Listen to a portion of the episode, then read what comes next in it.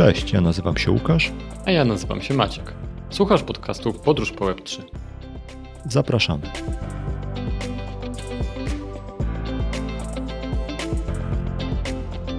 Cześć Łukasz. Cześć Maćku. Powiedz, o czym dzisiaj porozmawiamy? Dzisiaj porozmawiamy sobie o takich tematach związanych mm, z zalegalizowaniem albo z takim osadzeniem prawnym tematów związanych z krypto, które wydarzyły się ostatnio w Stanach i w Europie też. Taki mam pomysł przynajmniej. Chcesz powiedzieć, że e, legislatorzy pracowali na pełnych obrotach? Nie wiem, czy teraz pracowali na pełnych obrotach, czy tylko o tym opowiadali, a pracowali wcześniej, ale generalnie efekty działy się w ostatnich dniach i tygodniach, więc wydaje mi się, że to jest ciekawy temat, żeby o niego zahaczyć. No bo on się też wiąże z tymi innymi tematami, o których rozmawialiśmy, więc taki mam pomysł i plan. Co o tym sądzisz? Okej, okay, tak zróbmy. Świat krypto dostarcza nam właściwie codziennie nowych tematów, także możemy dzisiaj wziąć na warsztat trochę legislatury, jeżeli mogę tak to nazwać. Dobra, to tak, żeby szybko podsumować, co się wydarzyło, to wydarzyły się trzy takie tematy, o których chcielibyśmy porozmawiać. Pierwszy to jest Executive Order, order prezydenta Bidena, drugi to jest MIKA, czyli europejska legislacja dotycząca krypto, i trzecie to jest temat tego, że Ukraina, nazwijmy to w cudzysłowie, zalegalizowała krypto. To może zacznijmy od y, Ukrainy. Na tyle, na ile przeczytałem sobie, to generalnie wydarzyła się taka ciekawa rzecz, że Ukraina, no, mówi się, że zalegalizowała sektor kryptograficzny, co znaczy, że prawdopodobnie w związku z napływającą pomocą w postaci krypto, czyli coś o czym mówiliśmy ostatnio, czyli tych zbiórkach bitcoinów, Ethereum, e, Polkadot i innych, żeby jakby wesprzeć e, walczących na Ukrainie, prezydent Zełański podpisał taką ustawę, która bardzo mocno osadza kwestie związane z kryptowalutami i ogólnie z rynkiem kryptowalut w prawodawstwie tym ukraińskim. Łącznie z tym, że ustalili ich stan prawny, klasyfikację czy też regulatorów rynku. I, I to jest coś, co się wydarzyło dosłownie kilka dni temu. Podejrzenie jest takie, że to jest między innymi po to, żeby w jakiś sposób móc legalnie obracać tymi środkami. Jakby te środki, które były pomocowe, są takim trochę kołem zamachowym tego, że ten rynek na Ukrainie nabierze rozpędu. Tak mhm. ja to mhm. przynajmniej czytam. No, tam chyba Ukraina zebrała około 60 milionów dolarów, co w wartościach takich bezwzględnych może nie jest jakąś zaskakująco olbrzymią wartością, ale jeżeli wziąć pod uwagę no, mega trudną sytuację Ukrainy, no to to są już środki, wokół których warto pochodzić, również po to, żeby e, prawdopodobnie to był taki pierwszy krok do tego, żeby było tych środków jeszcze więcej. No bo jedna rzecz to jest to, że możesz je posiadać, a druga to jak możesz je spożytkować, zużyć, no bo możesz je przewalutować do fiata, ale no, musisz mieć do tego jakiegoś pośrednika, który zamieni bitcoina albo ethereum na walutę, którą, którą możesz zapłacić później żołd y, żołnierzy albo kupić czołg albo coś takiego. Jeszcze w dodatku trzeba wziąć pod uwagę, że to się dzieje w kraju, który jest krajem z czwartą największą adopcją krypto na świecie. Bo Ukraina jest y, czwartym najbardziej spenetrowanym pod względem kryptorynkiem mm, na świecie. E, pierwszym o dziwo jest Wietnam, potem są Indie, Pakistan i Ukraina jest czwarta. Za Ukrainą jest Kenia i Nigeria e, względem, znaczy na podstawie takiego raportu Chain Analysis. Także to się dzieje, czyli ta regulacja ma miejsce w kraju, w którym i tak już to krypto jest bardzo powszechne, relatywnie bardzo powszechne. Także to jest kolejny krok na drodze do adopcji krypto jako czegoś na równi z tradycyjnymi walutami. Wydaje mi się, że są dwa takie duże motywatory do tego, że właśnie Ukraina to zrobiła. Może nawet trzy. No pierwsze to jest to, że i tak już tam adopcja była całkiem duża, jedna z największych na świecie. Po drugie to, że dostali bardzo duże, relatywnie znowu, duże wsparcie w postaci kryptowalut. A trzecie to jest to, że mm, ludzie uciekający przed wojną mają problem, który jest jakby realnym takim problemem dnia codziennego, to znaczy pieniądze, chrywny, które mają na kontach czy mają wypłacone, są bardzo trudno wymienialne w innych krajach, bo jest bardzo duże wahanie kursu, jest to jakby waluta podwyższonego ryzyka na ten moment i obywatele Ukrainy, którzy opuszczają Ukrainę przed wojną, nie mogą skorzystać z tych środków, które no jakby gromadzili przez na przykład całe swoje życie, bo nie mogą ich wymienić. I teraz wydaje mi się, że te trzy rzeczy albo zmobilizowały, albo przyspieszyły tę pracę pod kątem takiej, takiego bardzo prokrypto nastawienia e, Ukrainy. No bo to, co się wydarzyło, no to przynajmniej ja tak to czytam z tych doniesień, że realnie ma to uczynić obrót kryptowalutami legalny, dostępny, regulowany, tak jak innymi walutami, powiedzmy, tak, żeby dało się z nich korzystać. Więc wydaje mi się, że to jest takie no, bardzo prokrypto. No, to jeszcze nie jest ten krok, który zrobił Salwador, który jako jedną ze swoich walut uczynił bitcoina i możliwość płatności bitcoinami wszędzie, tak jak dolarami, ale no, nie wiem, tak na moje oko z tego, co przeczytałem, to to już nie jest daleko. W sensie, że to już jest praktycznie, został tylko jeden krok do takiego poziomu y, adopcji krypto, jak, jak w takim tak, no, Pytanie, czy, pytanie, czy Ukraina się na niego zdecyduje, ale ja to interpretuję trochę w ten sposób, że y, róbmy więcej tego, co się, co się sprawdza. Czyli sprawdziła się zbiórka znaczy, mi to też trudno ocenić, tak? Szacuje się, że to jest od 60 do 100 milionów dolarów, że Ukraina zabrała z datków. Trudno mi powiedzieć, czy to jest bardzo dużo, bo Stany na przykład w samej broni 800 milionów y, dolarów. Mm, same Stany w samej broni w jednej z rund przekazały broń o wartości 800 milionów dolarów, więc to jest jedna ósma tego, co Stany przekazały w jednej z rund, więc to jest dużo i mało. No, to jest społeczność, która to przekazuje. No, w Polsce jest sporo firm, które przekazały po milion złotych na przykład na akcje humanitarne, nie na bezpośrednio na konto rządu ukraińskiego, który w pierwszej kolejności wyda to na broń i żołnierzy. Natomiast jednak te, jakby zebrać trochę tych datków, no to tego jest prawdopodobnie drugie tyle z takich y, inicjatyw firmowych, no bo w Europie i chyba na świecie dużo, y, dużo takiej pomocy idzie na organizacje humanitarne, które opiekują się y, ludźmi na miejscu i uciekinierami, uchodźcami ukraińskimi. Natomiast ja to trochę tak interpretuję, że skoro ta zbiórka się udała i był bardzo duży odzew i PR, no trzeba też powiedzieć, że to jest wojna informacyjna i PR i obecność narracji ukraińskiej w mediach i w internecie jest bardzo ważna, bardzo buduje morale, to ten wątek krypto, który co prawda teraz bardzo ucichł i dopiero z tą nowelizacją, czy raczej y, legislacją nową, jest takim no nie wiem, echem tego, co na początku było jako pierwsza zbiórka, to wydaje mi się, że to jest po prostu kontynuacja tego, co się sprawdza. Że trochę trzeba na wielu różnych frontach e, działać i angażować wielu różnych ludzi, którzy naturalnie zachowują się w swoich środowiskach.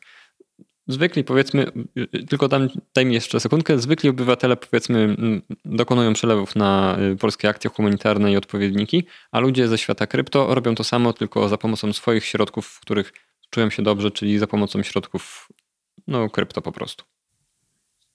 Mhm. Co, to jeżeli ja to dobrze rozumiem i to jest w sumie ciekawy wątek, o którym nie myślałem, to wydaje się, że ten krok i takie jakieś prokrypto nastawienie Ukrainy jako państwa, to jest też taki element zachęty do tego, żeby więcej pomocy uzyskać z tych środowisk, które zajmują się krypto, bo jakby skądś te środki trzeba brać pomocowe. I faktycznie to trochę tak może brzmieć, że tak jak na przykład właśnie ten Salwador jakby ustalił, że Bitcoin będzie tam walutą normalnie używaną na co dzień i wtedy dużo było takich głosów, że mm, osoby mocno zainwestowane w Bitcoina poprzenoszą się tam, będą kupować te obligacje zapowiedziane w Bitcoinie i tak dalej, że tutaj faktycznie to może zwiększyć taką chęć pomocy środowisk krypto, w których jak wiemy jest bardzo dużo pieniędzy zamkniętych i ulokowanych, e, do tego, żeby faktycznie wesprzeć Ukrainę, bo to może być taki, pewnie nie w najbliższym czasie, ale za jakiś czas takie miejsce, w którym potencjalnie ten rynek może kwitnąć, czy to pod kątem biznesowym, czy też pod kątem, no nie wiem, choćby takim banalnym jak uciekania przed podatkami, to znaczy e, transferu tam człowieka po to, żeby nie zapłacić za dużo podatków w związku z tym, że zarobił dużo na krypto. Więc no faktycznie, no może tak być. A ciekawe jest też to, że to się łączy z tematem MIKI, czyli tej legislacji europejskiej, pod tym kątem, że ona bardziej idzie w stronę tego, żeby raczej chronić konsumentów, zapobiegać praniu pieniędzy, y, dbać raczej o to, żeby ten rynek to nie był taki dziki zachód. Przynajmniej ja tak rozumiem te, te przekazy odnośnie, odnośnie Miki, że to ma nie być dziki zachód, tylko ma być normalny rynek, który jest w jakiś sposób regulowany, który chroni konsumentów przed różnymi jakimiś dziwnymi produktami czy instytucjami, które próbują na tym rynku operować. Natomiast w tej kwestii Ukrainy mam wrażenie, że tam to jest tak bardzo delikatnie zaznaczone. W sensie, że tam też będą jacyś regulatorzy, legislatorzy, ale tam raczej skupienie jest na tym, żeby zaadoptować ten rynek i że, to ma, że kryptowaluty mają być normalnie sektorem, w którym jakby Ukraina będzie funkcjonować. Natomiast Tamika jest bardziej taka konsumencko-ochronna, y, bez prania pieniędzy brudnych i tak dalej. Że, że jakby trochę inny akcent jest położony. Nie wiem, czy też tak zwróciłeś to znaczy, na to uwagę. W tej legislacji ukraińskiej jest to o tyle trudne, że to jest wydarzenie sprzed dwóch dni. Nagrywamy w piątek, ustawa była podpisana w środę bazujemy na e, wiadomościach ukraińskich tłumaczonych na angielski lub na e, dodatku tłumaczącym z ukraińskiego na polski w Chromie. Także to jest dosyć trudne i żeby móc jakoś kompetentnie się na ten temat wypowiedzieć, trzeba byłoby, mi się wydaje, przeczytać tekst e, albo chociaż jakiś jeszcze skrót po ukraińsku z ukraińskiego źródła, bo mamy sytuację wojny w Ukrainie, newsa sprzed dwóch dni i nie jest chyba tak, że wszyscy się najpierw rzucają na tą legislację, tylko raczej jest wojna obserwowana, więc Mamy trochę mało informacji, chyba że sami przeczytamy całą ustawę, ale nie wiem, czy to jest na tyle istotne, żebyśmy to zrobili od deski do deski. Natomiast jeszcze sobie tak pomyślałem a propos tego, mm, co mówiłeś o dostępności powiedzmy ekosystemu w Ukrainie przyjaznego krypto. Ja widzę to trochę też tak, że to może być coś, co wróci jako pozytywny boomerang, jak się wojna zakończy, że są tak zwane crypto heavens i może Ukraina nie będzie crypto heaven, ale będzie miejscem, gdzie można spokojnie budować biznesy oparte czy związane z krypto. Bo są e, miejsca, gdzie to jest bardzo nieprzyjazne, na przykład Chiny zbanowały bitcoina i to już nie jest przyjazne miejsce dla krypto. Natomiast e, kanton Zug w Szwajcarii jest podobno mm, przyjazny e, krypto pod kątem czy, czy podatków, czy, mm, czy legislacji. I być może Ukraina to będzie, będzie to po prostu korzystne dla Ukrainy, która była przecież bardzo mocno w Ukrainie było bardzo dużo, czy dalej jest, no zobaczymy jak to się rozwinie, ale jest bardzo dużo firm software'owych. Dużo software'owych firm, gigantów pochodzi z Ukrainy. Także. No a to tak, to faktycznie może być tak, że ponieważ IT jest tam mocne i w sytuacji, w której no, przyjmiemy takie założenie, że ta wojna zakończy się szybciej niż później i że jakby Ukraińcy wrócą do, do siebie odbudowywać kraj, to ta branża IT znowu może być jakimś takim kołem zamachowym gospodarki i ponieważ ryzyka e, jakby po wojnie, jakiś taki e, strach przed tym, żeby tam lokować, no, czy to biura jakichś dużych firm, czy instytucji finansowych może być duży, to faktycznie ten rynek krypto może przejąć część tych ludzi z IT pod kątem tego, żeby tam tworzyć produkty, czy obsługiwać produkty na rynku e, Web3 dzięki temu, że prawo jest przejrzyste, jasne i takie sprzyjające. Więc y, tak, to też jest takie coś, co, co, co może na co liczą legislatorzy pod kątem tego, żeby budować jakieś takie obszary, które mogą być dźwignią do tego, żeby odbudowywać rynek. No nie? Łukasz, jak ty się dzisiaj ze mną zgadzasz, muszę zmienić narrację chyba. to jakaś anomalia generalnie. Poróżnijmy, Poróżnijmy się, się, dobrze. To pokłóćmy się o Mikę teraz. to ja... Wiesz, jeśli chodzi o, o, o Mikę, to ja za dużo nie przeczytałem o tej Mice, w sensie wydaje mi się, że główna cała dyskusja wokół Miki była taka, że wypłynął, wypłynął taki, nie wiem, czy to był przeciek, czy, czy, czy jak to nazwać, w sensie, że była taka informacja o tym, że tam może być zawarte coś, jakiś taki zapis, który jakby podciąga tematy związane z klimatem i z dbaniem o, o środowisko i praktycznie banuje e, kryptowaluty oparte o proof of work, czy, czyli no, najbardziej znaną, czyli bitcoina, czyli realnie zdelegalizuje proces kopania bitcoinów w Unii Europejskiej. To się nie wydarzyło i większość przekazu medialnego, mam wrażenie, opiera się o to, że była taka groźba, byliśmy o krok, ów, Unia Europejska nie zbanowała bitcoina, czyli jakby po, przez jakby takie następstwo proof of work nie zbanowała bitcoina. A kopanie kryptowaluty polega tylko i wyłącznie na tym, że dostarczasz walidacji, tak? To znaczy, że jeżeli są, dokonuje się transakcji, to te transakcje muszą być y, dobrze przepracowane, czyli trzeba ponieść koszt y, finansowy namacalny w świecie rzeczywistym, który się bezpośrednio przekłada na prąd. A prąd jest ze źródeł kopalnych.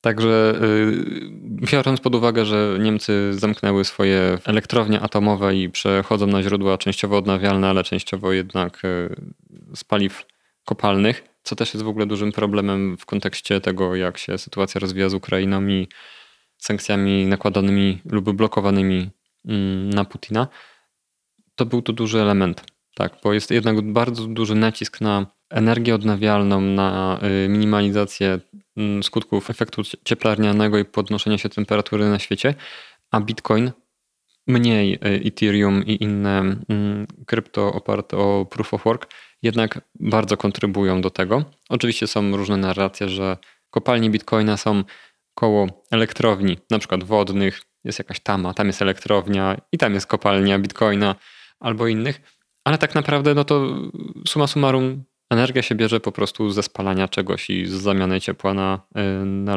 energię elektryczną, chyba że to jest fotowoltaika albo inne, mm, in, inne źródła. Także to była duża obawa, no bo jeżeli by zbanowano kopanie czegokolwiek, tak, czyli te krypto oparte o proof of work, to one by nie mogły funkcjonować w Europie i ciężar dokonywania obliczeń musiałby zostać przeniesiony do innych rejonów, y, które by tego nie zrobiły, tak, do Azji, do Stanów, y, do Ameryki Południowej.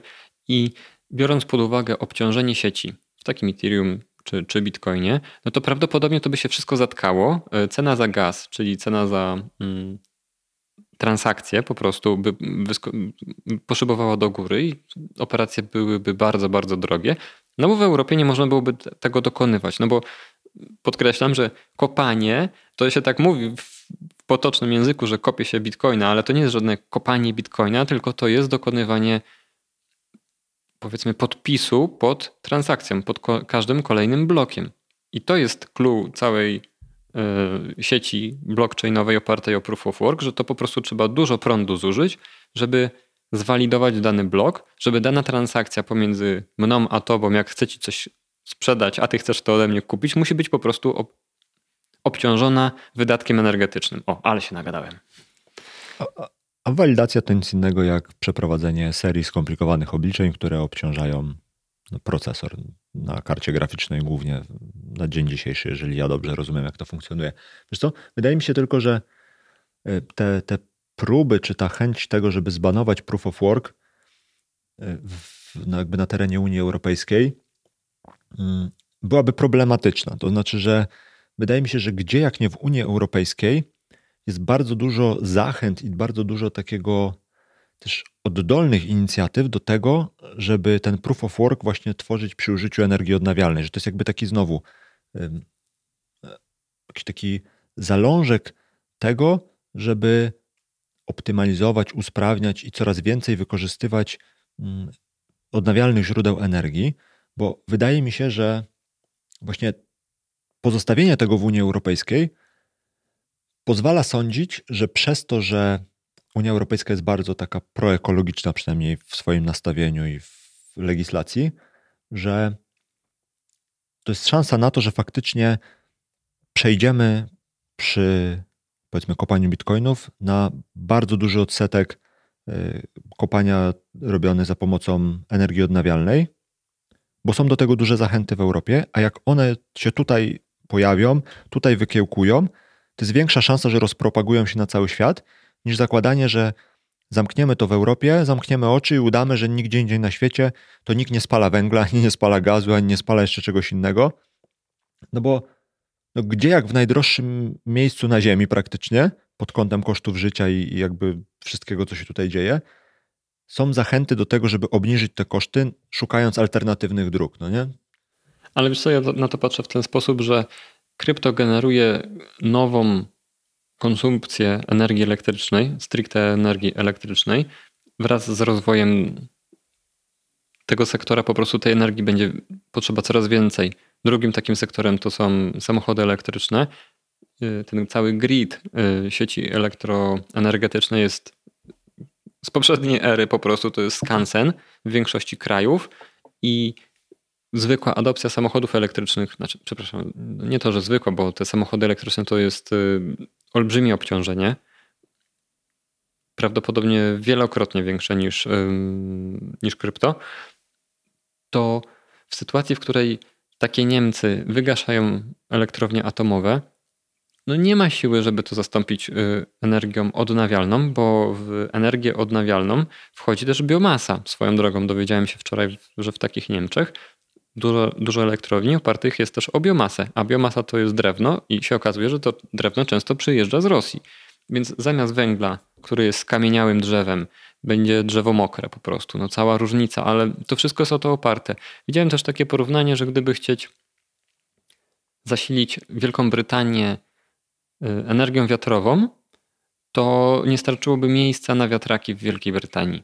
Po prostu to jest tak nieefektywne, czy te wszystkie y, urządzenia wykorzystujące energię fal wodnych, tak? To, to, to jest nieserwisowalne, bo to jest oparte o siłowniki hydrauliczne, które przeciekają, bo muszą przeciekać, bo nie da się żeby, zrobić, żeby nie przeciekały w jakimś tam zakresie, a to są toksyczne elementy, one rdzewieją, to się ma maluje, to potem rdzewieje, to dodaje y, zanieczyszczenia do wody. No, to jest tragedia. To na Facebooku jest to lansowane bardzo mocno. Tutaj ktoś taki pływak zrobił i tam żarówka świeci na takim jednym pływaku, a ten pływak to kosztuje fortunę względem tego, ile on wyprodukuje energii. Także to wszystko moim zdaniem jest ściema. Jak się nie przerzucimy na atom, to nic się nie da z tym zrobić, a atom jest politycznie niepoprawny. No złą prasę złą ma, prasę dokładnie. Ma. A potem jest takie słynne zdjęcie, że całe zużyte paliwo atomowe ze Szwajcarii od lat 60. Y, to się w jednym takim większym garażu trochę mieści. No takim wielkości Lidla powiedzmy maksymalnie. Ja nie wiem, czy wiem na tyle dużo, żeby faktycznie y, tak mm, to ocenić. W sensie też słyszę te głosy o tym, że no, atom byłby tutaj najlepszym rozwiązaniem i dzisiejszy stan energii atomowej i tego wszystkiego, co się wydarzyło od czasu Czarnobyla i, i jakby tych, tych elektrowni. No i Fukushimy, bo cała katastrofa w Fukushimie była chyba takim momentem zwrotnym, że ludzie zaczęli, znaczy ludzie, no rządy się zaczęły krzywo patrzeć tak. na atom. Tak, ale że, że to jakby faktycznie byłoby najprostsze rozwiązanie, najszybciej przynoszące efekt i przy tym też najbezpieczniejsze. Oczywiście ze swoimi problemami, minusami i tak dalej, ale że jakby to, to by było najlepsze rozwiązanie. Tylko wiesz co, odnośnie tej energii odnawialnej, to ja też sobie myślę o tym w ten sposób, że to jest stan na dzisiaj, no nie? To znaczy, że e, nie wiem, sprawność wiatraków, sprawność paneli fotowoltaicznych i tak dalej, to jest na dzień dzisiejszy wygląda tak. Ciężko sądzić, ciężko zakładać, że to się nie poprawi. Pytanie, jak bardzo się poprawi, jak szybko się poprawi, ale wydaje mi się, że właśnie tutaj ta część związana z kopaniem kryptowalut może być o tyle ciekawa, że to wszystko są rzeczy technologiczne. To znaczy, że to wszystko jest stosunkowo łatwo policzalne. Jesteś w stanie wygenerować Excela, który ci policzy, jaki masz zysk z tej inwestycji. I teraz, jeżeli będziesz chciał maksymalizować ten zysk, to nie możesz zatrudnić tańszych ludzi na przykład, no nie w sensie mniej, mniej im płacąc. Nie możesz, nie wiem, zrezygnować z kawy i kupić przestać tańszą kawę. jeść no awokado. Właśnie, albo przestać jeść awokado, albo kupować yy, latę w kawiarniach. No nie, musisz wygenerować tańszy prąd. I teraz wydaje mi się, że to może być o tyle jakby taki, taki e, skutek drugiego rzędu może być taki, że no na przykład duże instytucje zajmujące się, nazwijmy to, kopaniem bitcoinów, będą, no nie wiem, czy sponsorami, czy early adopterami nowych technologii, sprawniejszych technologii, bo oni będą sobie w stanie szybko i łatwo policzyć, jaki jest zwrot tej inwestycji, no nie? W sensie, co więcej, ten bitcoin z czasem jakby wraz z, jakby z kolejnymi transakcjami jego jakby wynagradzanie górników, nazwijmy to, jest coraz mniejsze, więc jakby to jakby z dwóch stron jest, że prąd nie może drożeć, a twoje zyski i tak by design spadają, więc musisz szybciej jakby szybciej wymyślić sposób na tańszy prąd, zanim ci się skończy okres, w którym to będzie przydatne. I wydaje mi się, że to może być taki właśnie znowu koło zamachowe tego, żeby ten rynek się tutaj rozwinął w jakiś sposób, albo przynajmniej, żeby byli early adopterzy, którzy będą w stanie to sprawdzać, testować i, Musisz jakoś z tego korzystać. E, swój biznes model, żeby ci się cały czas to opłacało, szukając tańszego prądu, szybszej karty graficznej i konkurując z twoimi konkurentami. To jest ciekawe, co powiedziałeś, bo chyba też było... Znaczy, jeżeli dobrze sparafrazuję to, co powiedziałeś. Chodzi o to, że być może będzie taka sytuacja, że, to on, że ten cały sektor krypto, który jest oparty o energię elektryczną i kopanie, walidację, to on będzie kołem zamachowym rozwoju odnawialnych technologii lub bardziej efektywnych technologii, a może będzie pierwsza atomowa elektrownia, którą sobie jakaś kopalnia bitcoina mm, zbuduje, tak zwaną małą energię atomową. Natomiast y, kojarzy mi się to z sytuacją, w której kołem zamachowym adopcji płatności w internecie był sektor porno. Kolega ci powiedział, musimy ten dowcip powiedzieć. Daleki znajomy. to właśnie to jest, ten sektor jest dużym kołem zamachowym był, przynajmniej adopcji płatności i wielu innych streamingu na przykład tak samo. Także y, dzisiejszy Netflix zawdzięczamy y, sprośnym filmikom no, w internecie. Tak, no, w sensie wydaje mi się, że liczenie na to, że jakaś zastała taka y, mocno regulacyjnie obwarowana branża, że ona sama wewnętrznie zmieni się po to, żeby świat stał się lepszy, jest mało prawdopodobne. To znaczy, to są za duże machiny pod kątem operacji, legislacji i wszystkiego, żeby zwrot ich albo nawet jakaś delikatna próba ich optymalizacji, żeby, żeby komuś się chciało i opłacało to zrobić. Więc wydaje mi się, że to raczej jakby jest ten, ta sytuacja, w której zmiany i te, te takie disruption po angielsku, y, nie wiem jak to ładnie przetłumaczyć na polski, raczej gdzieś powstaną na dole rynku w jakichś takich mniejszych sektorach. I właśnie wydaje mi się, albo liczę na to, że ta branża związana z krypto może być takim miejscem, w którym to wypączkuje i jakby nabierze jakiegoś rozpędu, też w związku z tym, że no, krypto na całym świecie rośnie. I teraz, co znaczy, że rośnie? Rośnie to do tego stopnia, że prezydent Biden wydał executive order, yy, który mówi wprost o tym, że poza tym, że jest bardzo ogólny i bardzo taki, nazwałbym go życzeniowym, ale mówi o tym, że Stany chcą być liderem w związku z jakby obrotem wirtualnym, wirtualnymi dobrami, czy to kryptowaluty, czy inne y, dobra wirtualne y, i że jakby zależy im na tym, żeby zaopatrzyć różnych, różne jakby osoby, które, czy tam różne instytucje, które na tym rynku funkcjonują, to znaczy zarówno biznesy pod kątem generowania innowacji, tworzenia e, tej technologicznej przewagi Stanów Zjednoczonych, ale też pod kątem ochrony konsumentów, odbiorców, pod kątem ochrony instytucji, które miałyby brać udział w całych tych operacjach takich y, związanych z krypto i też zabezpieczyć przed mm, jakby tematami związanymi z czy to praniem pieniędzy, czy jakimiś no, nielegalnymi przepływami pieniężnymi, nazwijmy to, co, no, co wiąże się na przykład z sankcjami na Rosję, o którymi rozmawialiśmy i tym, że no, potencjalnie krypto jest jakimś miejscem, w którym no, no, oligarchowie, których dotknęły sankcje, no, mogą próbować wyjść. I nawet po tym executive orderze pojawiło się takie przesłuchanie chyba w Senacie y, osób związanych z branżą krypto pod kątem właśnie zbadania tego i jakby poznania opinii branży, czy Rosja może uniknąć sankcji przy użyciu krypto. I powiesz Maćku, co im wyszło? Że będzie bardzo trudno. To znaczy problem jest taki, że nie ma tyle luźnego tak zwanego krypto w obiegu, żeby dało się go kupić tyle, żeby takiemu oligarchowi zrobiło to różnicę, bo jeżeli taki oligarcha, jego majątek jest liczony w miliardach na przykład dolarów. No bo jeżeli jeden zajęty jacht to jest wartość 600 milionów dolarów, a tych jachtów tam jest sporo i nie jeden oligarcha ma, nie, nie jeden jacht. pieniądze to trzyma w jachtach. No tak, no musi mieć trochę tak zwanej luźnej gotówki, no ale to też jest taki problem, że wycena takiego oligarchy jest właśnie też y, oparta o nieruchomości, o ruchomości, o różnego rodzaju aktywa, no to żeby to spieniężyć, no to też jest, nie jest tak, że całość takiego wartości takiego oligarchy to jest w gotówie. Tak? Więc tą gotówę można byłoby ratować, ale to nawet tych oligarchów jest na tyle dużo, że ruchy byłyby raz bardzo mocno widoczne, bo to są takie ilości, że po pierwsze trudno to kupić w jednej operacji, trudno to dostarczyć, trudno tego nie zauważyć i żeby rynek na to nie zareagował. A jest bardzo dużo już na tym etapie firm, obserwatorów, yy, tak zwanych y, whale watchers, czyli y, obserwatorów wielorybów, czyli takich olbrzymich kupujących lub też olbrzymich portfeli, bardzo zawierających dużo, mm, dużo gotówki, powiedzmy. Także to jest wszystko do wytropienia, kto co może zrobić. I okej, okay, krypto jest anonimowe, ale te olbrzymie ruchy, jeżeli będą miały miejsce, to potem znowu po do kłębka można do tego dochodzić, a te miksery, o, którym, miksery, o których parę razy rozmawialiśmy, no to one są bardziej dla konsumenta. No to nie są miksery dla oligarchy, który y, robi ruch taki jak kapitalizacja na przykład, nie wiem, Mhm. poligona albo No, czegoś co, takiego. to tak, żeby właśnie złapać jakiś taki punkt odniesienia, to na dzisiaj, jeżeli dobrze, e, jakby market cap, czyli jakby wartość wszystkich bitcoinów w obrocie, to jest jakieś 760 miliardów dolarów, tak?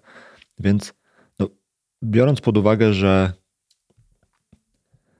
no, wolnych bitcoinów, że tak powiem, w obrocie jest jakiś tylko ułamek, że nie wszystkie są na sprzedaż w tym momencie, no to jeżeli założylibyśmy, że na przykład, no nie wiem, 20% bitcoinów jest w obrocie takim ciągłym, że non-stop zmieniają właściciela, no to jedna piąta z tych 760 miliardów, mogłem sobie jakieś prostsze liczby wybrać, żeby łatwiej się to dzieliło, ale no to jest powiedzmy jakieś 100 parędziesiąt miliardów dolarów. No jeżeli majątki takich oligarchów są liczone w dziesiątkach miliardów dolarów, no to by oznaczało, że raptem kilku mogłoby zrobić jakieś większe ruchy na Bitcoinie i tak jak powiedziałeś, te ruchy byłyby doskonale widoczne. To znaczy, że te rozproszone Bitcoiny na różnych giełdach od różnych sprzedających, ktoś jeden musiałby skupić, albo bardzo dużo portfeli musiałoby skupić, co by było bardzo trudną operacją logistyczną. I co więcej, potem spróbować je jakoś wytransferować albo do gospodarki takiej jak właśnie wspomniany wcześniej Salwador, gdzie można tymi pieniędzmi płacić, ale no nie wiem, czy dałoby się wydać takie pieniądze w Salwadorze. Y, A po drugie, wyjście z nich do walut fiat byłoby w momencie zauważonej musiałoby przejść przez jakąś instytucję oframpującą. Więc no wyszło z tego przesłuchania w Senacie, że no na ten moment jest to praktycznie niemożliwe, żeby y, jakby Rosjanie objęci sankcjami byli w stanie jakby ominąć te sankcje w jakiś większy sposób przy użyciu krypto. Chociaż to znowu to jest na dzień dzisiejszy. Nie wiemy, czy no nie wiem, zamrożone środki przez x czasu za parę lat, jeżeli adopcja krypto pójdzie w jakimś lawinowym tempie, że za jakiś czas będzie dało się jakąś część z tych pieniędzy odzyskać mimo wszystko i jakby będzie to łatwiejsze. No, na dzień dzisiejszy ustalili, że jest to mało prawdopodobne. Tak jest. Zobaczymy, jak to będzie się rozwijało i czy zostaną jakieś metody obchodzenia sankcji za pośrednictwem krypto ujawnione, znalezione albo zidentyfikowane. No te, teraz te wszystkie tematy, o których dzisiaj tutaj napomknęliśmy, jakby budują przynajmniej w mojej głowie taki obraz, że jakby trend i kierunek jest już praktycznie widoczny. To znaczy zaczęło się od jakichś jakby takich, no powiedzmy to bez obrażania nikogo, mniej znaczących krajów na mapie, które były bardziej kryptosprzyjające. Potem był temat z tym Salwadorem, który jako pierwszy kraj na świecie uznał, że no jakby można jako bitcoin traktować jako ich walutę i można normalnie płacić nim w sklepach i tak dalej. Teraz ta cała legislacja związana z tym executive orderem, który jakby wymusza trochę na tych różnych agencjach rządowych i, i jakby instytucjach rządowych w Stanach przygotowanie się do tego, żeby możliwie dobrze wykorzystać ten sektor, jakby zaadaptować ten sektor w gospodarce amerykańskiej. Te wszystkie regulacje europejskie, które no, też mimo wszystko są, no, trzeba by je uznać raczej za takie sprzyjające i takie, które no, nie chcą w żaden sposób tego trendu blokować, tylko raczej go tak ucywilizować w rozumieniu takim struktur europejskich, powiedzmy. Te rzeczy związane z tą ustawą y, y, ukraińską dotyczącą rynku kryptowalut, to każe sądzić, że jesteśmy w takim miejscu, w którym zaryzykuję takie stwierdzenie, że te kryptowaluty one nie odejdą w zapomnienie. W sensie, że to już minęliśmy ten punkt, w którym jakby jest opcja, że to zawróci, że nie wiem, za parę lat wszyscy o tym zapomną i tak dalej. Nie. Wszystko na to wskazuje, że ta masa krytyczna została przekroczona, że będzie tego więcej, że jakby adopcja w gospodarce będzie coraz większa. No i teraz pytanie jest o to, w jakim kształcie ta adopcja będzie przebiegać. To znaczy, czy to będzie bardziej w takich codziennym użyciu, czy bardziej pod kątem jakichś operacji finansowych, które teraz się dzieją pomiędzy instytucjami finansowymi, na przykład w Nowym Jorku czy w Londynie, czy, czy jeszcze w jakiś inny sposób, czy to będzie bardziej kwestia taka, nazwijmy to rozrywkowa, czyli te wszystkie tematy związane z gamingiem, z NFT i tym podobnymi, ale generalnie, no przynajmniej moje rozumienie tych wszystkich sytuacji, które ostatnio były, jest takie, że krypto z nami zostanie. W tym czy innym kształcie, to się okaże w jakim i może się okazać, że to, co dzisiaj rozumiemy pod pojęciem tak szeroko mówiąc krypto czy Web3, to za 5 lat albo za 10 lat to no, będzie jakiś tam margines rynku i wyewoluuje to w inną stronę. Ale mam takie wrażenie, że jeżeli ktoś myśli o tym, że można pominąć cały temat Web3 i krypto, no to jest jakaś przelotna moda, która za chwilę minie, to nie wydaje mi się, szczerze powiedziawszy, że raczej zaryzykowałbym, że to nie minie, tylko zostanie z nami. Tak, to na pewno będzie ewoluowało, bo bardzo wcześnie jesteśmy i z wieloma rzeczami tak było. Dobrym, dobrym, niedobrym przykładem może być GDPR, czy też polskie RODO, czy też ochrona po prostu konsumenta przed byciem śledzonym w internecie. Przed naszą rozmową akurat mi taki przykład wpadł a propos właśnie tych legislacji, że krypto jest zupełnie dzikie w tym momencie. To jest dziki zachód, nikt nic nie wie. Jeden stan w Ameryce tak traktuje krypto, drugi traktuje inaczej. Jeden kraj ma bitcoina jako normalną walutę państwową, inne mają zbanowane w ogóle, żeby nie można było tego używać w danym kraju. Dziki zachód. Ale potem po jakimś okresie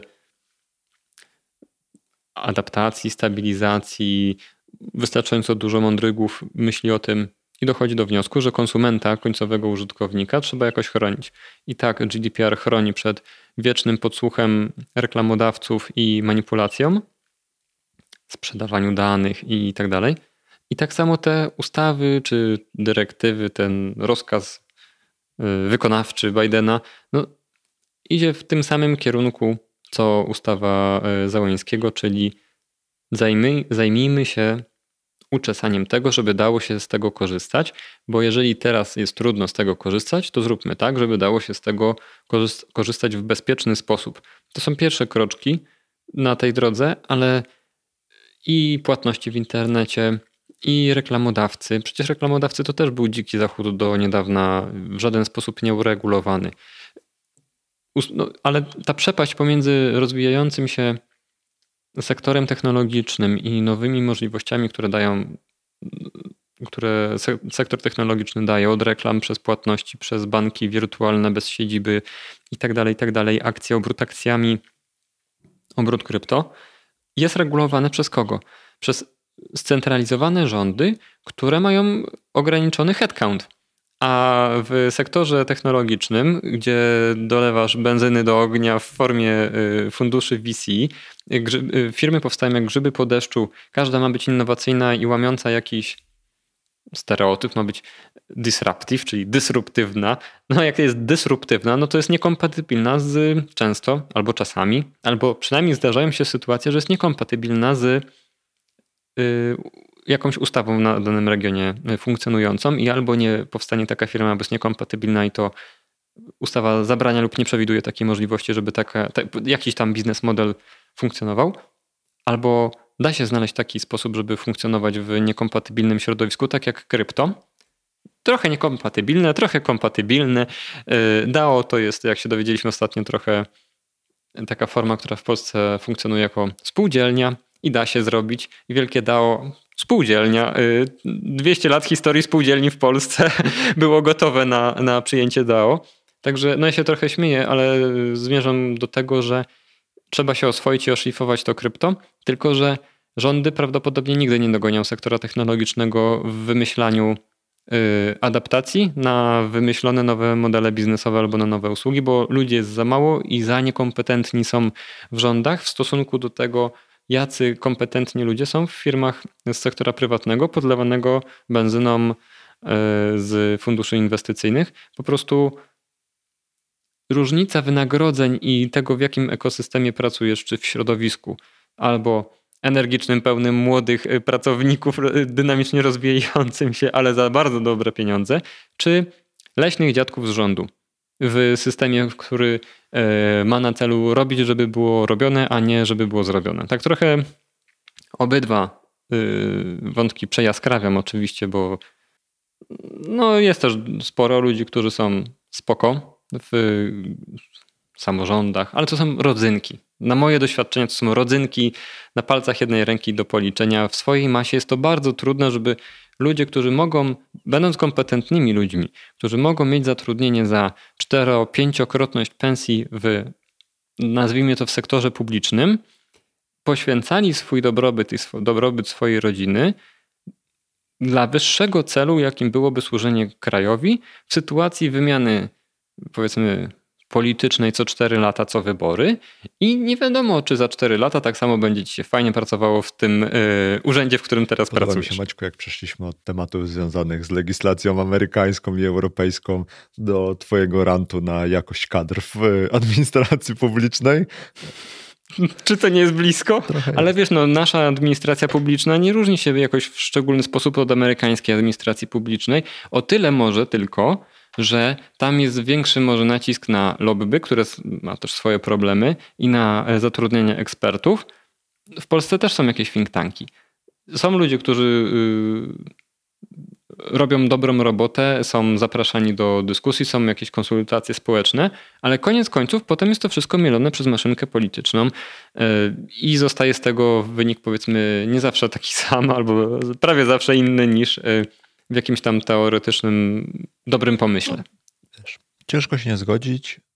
Z drugiej strony trochę nie ma na to rady, w takim sensie, że jedyne, co może taka administracja publiczna robić, to faktycznie posiłkować się ekspertami z zewnątrz, no bo jakby wizja tego, że będą zatrudnieni e, na etatach w ministerstwach, no jest mało realistyczna przy dzisiejszym stan, stanie rynku i też byłoby to ekstremalnie drogie prawdopodobnie i podatnicy mogliby się nie ucieszyć, że jest parę osób, które za doradztwo bierze bardzo dużo pieniędzy, więc no jakby tą wiedzę kupuje się na zewnątrz i wydaje mi się, że taka dobrze funkcjonująca administracja publiczna, ona nie musi mieć super kompetentnych pod względem wiedzy czy umiejętności ludzi wewnątrz, tylko musi mieć umiejętność zbierania, kupowania tej wiedzy na zewnątrz i przetwarzania ją zgodnie z jakby taką wizją tego, jak dany kraj chce się rozwijać. I wydaje mi się, że przy wszystkich problemach administracji amerykańskiej, tam jedno jest niezmienne od pewnie kilkudziesięciu lat, to znaczy, że Amerykanie chcą być liderami technologii. Jakby co do tego, jakakolwiek by nie była tam ekipa rządząca, oni nie mają żadnej wątpliwości. To nie jest tak, że oni się bujają od tego, czy będą robić kopalnie, czy coś innego, czy będą wymyślać ten sektor, czy tamten. Oni wiedzą, że w technologii, że jakby cała ta legislacja koniec końców ma sprzyjać sektorowi technologicznemu, bo to jest ich koń pociągowy gospodarki, że tak powiem, no nie?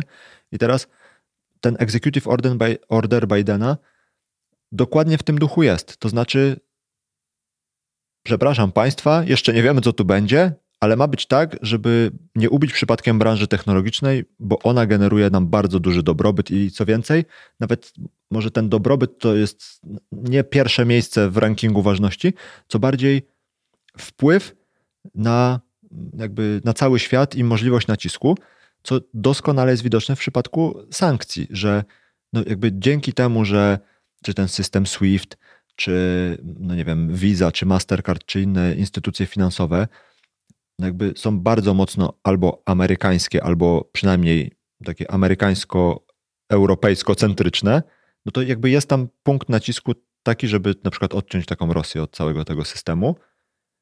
I wydaje mi się, że po prostu Amerykanie to wiedzą, że w, w przypadku krypto dokładnie też tak będzie i nie chcą, żeby ten punkt ciężkości i ważności przechylił się w stronę Azji, tylko chcą, żeby to jednak zostało u nich i to jest u nich niezmienne. No nie? Tak. Dobrze.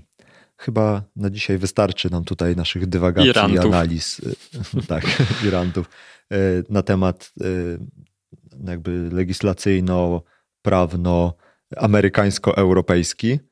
Zobaczymy, w którą stronę to się rozwinie. Wydaje mi się, że z takiego naszego punktu widzenia to jest o tyle dobre, że to oznacza, że będziemy mieli co robić, to znaczy będziemy mieli o czym rozmawiać i że no, no nie na darmo branża krypto przyjęła te wszystkie regulacje raczej z takim umiarkowanym optymizmem, bo obawa była taka, że no ktoś może tu chcieć włożyć kija w szprychy, a okazało się, że nie. Co prawda nie popchnął nikt tego rowerzysty w plecy, żeby szybciej jechać, ale przynajmniej mu nie przeszkadza, co i tak jest już dobrym znakiem, więc będziemy sobie obserwować, jak to się dzieje i i jakby w którą stronę to dalej pójdzie. A na dzisiaj co? Kończymy. Dzięki Maćku wielkie za dzisiejszą rozmowę. Dzięki Łukaszu. Hej. Trzymaj się, baba. Dzięki za wysłuchanie kolejnego odcinka podcastu Podróż po Web3. Żeby nie przegapić kolejnych odcinków, pamiętaj, żeby zasubskrybować ten podcast w swojej aplikacji do podcastów. Wejdź również na www.ppw3.pl i zapisz się do newslettera. Otrzymasz dzięki temu powiadomienie o każdym nowym odcinku oraz dodatkowe materiały. Dzięki i do usłyszenia. Cześć.